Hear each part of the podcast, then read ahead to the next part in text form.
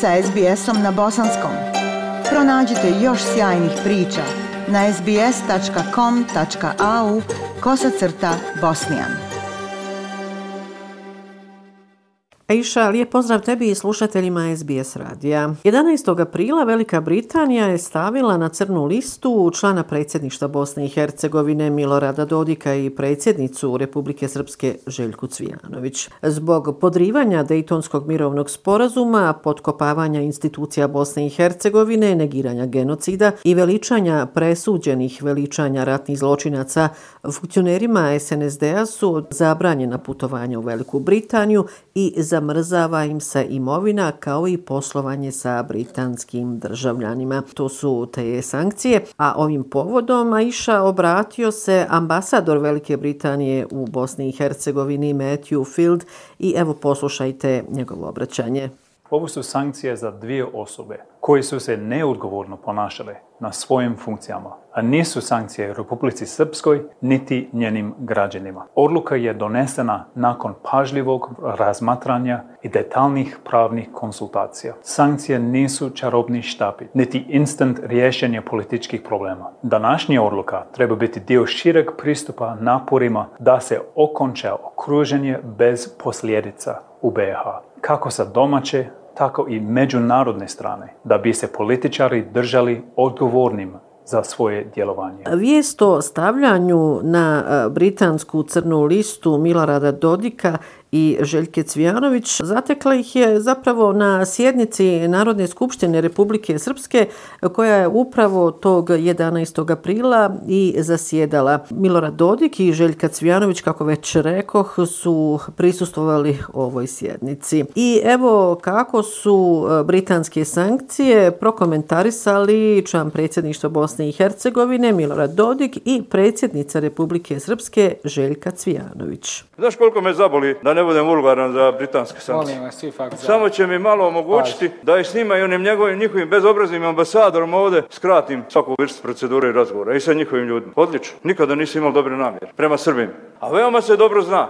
Ko ima lokale, ko ima imovinu, on se pogriješi, ja nemam. Evo, ovi koji imaju imovinu iz PDP-a, mene su nagovorili da ovo radim. Kako će sada, hoće im biti zabranjena imovina? Lično nisam oštećena, nemam imovinu u Velikoj Britaniji, nemam nigdje osim u Republici Srpskoj nemam nikakve račune, prema tome ta vrsta opterećenja zaista ne postoji. Ali ovo je politička poruka koja je preko mene upućena građanima Republike Srpske i Republici Srpskoj. Toga dana, dakle 11. aprila, ove britanske sankcije nisu bile i jedine sankcije. Naime, oglasile su se i Sjedinjene američke države koje su toga dana uvele sankcije Asimu Sarajliću, članu stranke demokratske akcije i delegatu u Domu naroda Parlamentarne skupštine Bosne i Hercegovine, kao i Gordani Tadić, bivšoj glavnoj tužiteljici i tužiteljstva Bosne Bosne i Hercegovine. Sva imovina i pravo na imovinu onih koji su sankcionisani, a koje se nalazi u Sjedinjenim američkim državama ili je u posjedu ili pod kontrolom državljana Sjedinjenih američkih država, mora biti blokirana i prijavljena Ministarstvu financija. Ovim povodom oglasilo se i Ministarstvo financija Sjedinjenih američkih država te je obrazložilo razloge uvođenja sankcija Sarajliću i Tadićki. Evo e, šta se kaže za Asima Sarajlića. Dakle, Asim Sarajlić, delegat u Domu naroda Bosne i Hercegovine, bio je uključen u korupciju visokog nivoa, što uključuje trgovinu utjecajem, zloupotrebu položaja te primanje mita u zamjenu za utjecanje na odluke o zapošljavanju u državnim preduzećima. Gordana Tadić, koja je bila glavna tužiteljica državnog tužiteljstva od 2019. do 2021. godine, kada ju je sa te funkcije smijenilo Visoko sudsko i tužiteljsko vijeće, kako se navodi, koristila je svoj položaj za promociju ličnih i porodičnih interesa i zaštitu svojih političkih patrona od krivičnog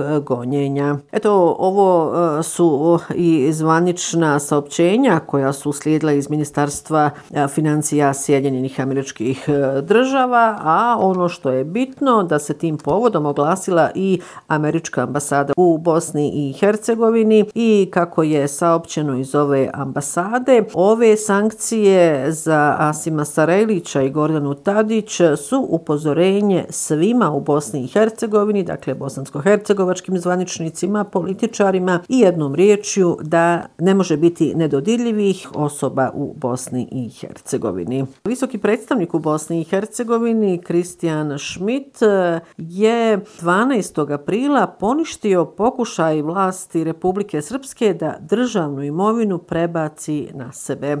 Konkretno, Kristijan Schmidt je stavio van snage ukaz predsjednice Republike Srpske Željke Cvijanović o proglašavanju zakona o nepokretnoj imovini koja se koristi za funkcionisanje javne vlasti do odluke Ustavnog suda Bosne i Hercegovine. Ovim je Aisha i prvi put upotrijebio e, bonske ovlasti Kristijan Schmidt koje predviđaju da Ured visokog predstavnika može nametati ili mijenjati zakone, zatim smjenjivati izabrane i imenovane političke i druge zvaničnike. Ova odluka o obustavi zakona Republike Srpske je objavljena na web stranici Ureda visokog predstavnika, čime je stupila na snagu. Sam e, Kristijan Schmidt, dakle visoki predstavnik Međunarodne zajednice u Bosni i Hercegovini, je toga 12. aprila održao u Sarajevu i pres konferenciju.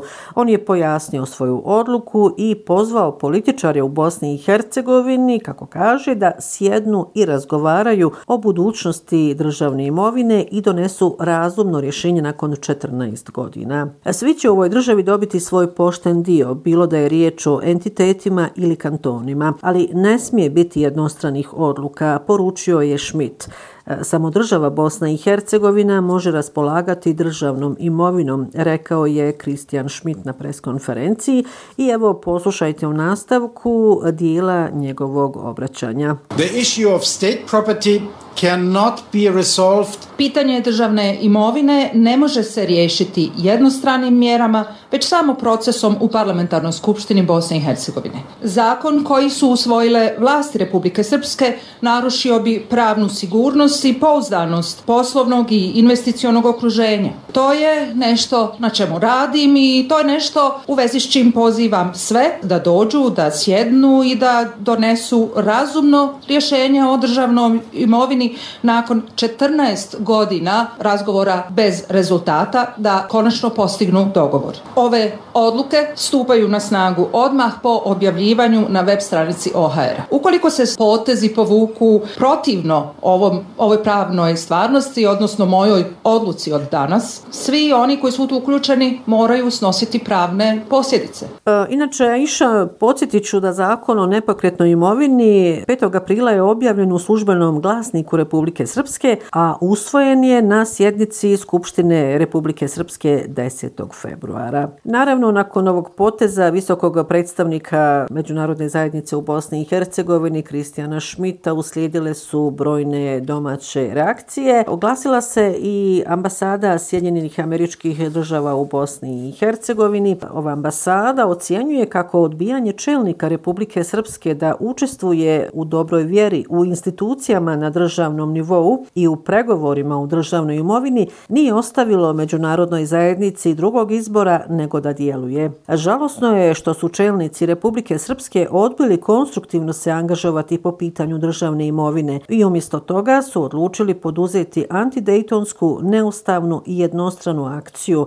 napisali su iz ambasade Sjedinjenih američkih država na Twitteru. Klasio se i član predsjedništva Bosne i Hercegovine Milorad Dodik koji je između ostalog povodom ove odluke visokog predstavnika rekao Imovina Republike Srpske je imovina Republike Srpske i tu ne pomažu ni Bonska niti bilo kakva ovlaštenja. Predsjedavajući predsjedništva Bosne i Hercegovine i član predsjedništva Bosne i Hercegovine dakle Šefik Džaferović i Željko Komšić, su se također obratili javnosti i reagovali pozitivno na ovu odluku visokog predstavnika. Prema njihovim riječima, ova odluka je važna za očuvanje ustavnog poredka i mira u Bosni i Hercegovini. Najprije poslušajte izjavu predsjedavajućeg predsjedništva Bosne i Hercegovine Šefika Džaferovića, a potom i člana predsjedništva Bosne i Hercegovine Željka Komšića. Visoki predstavnik je donio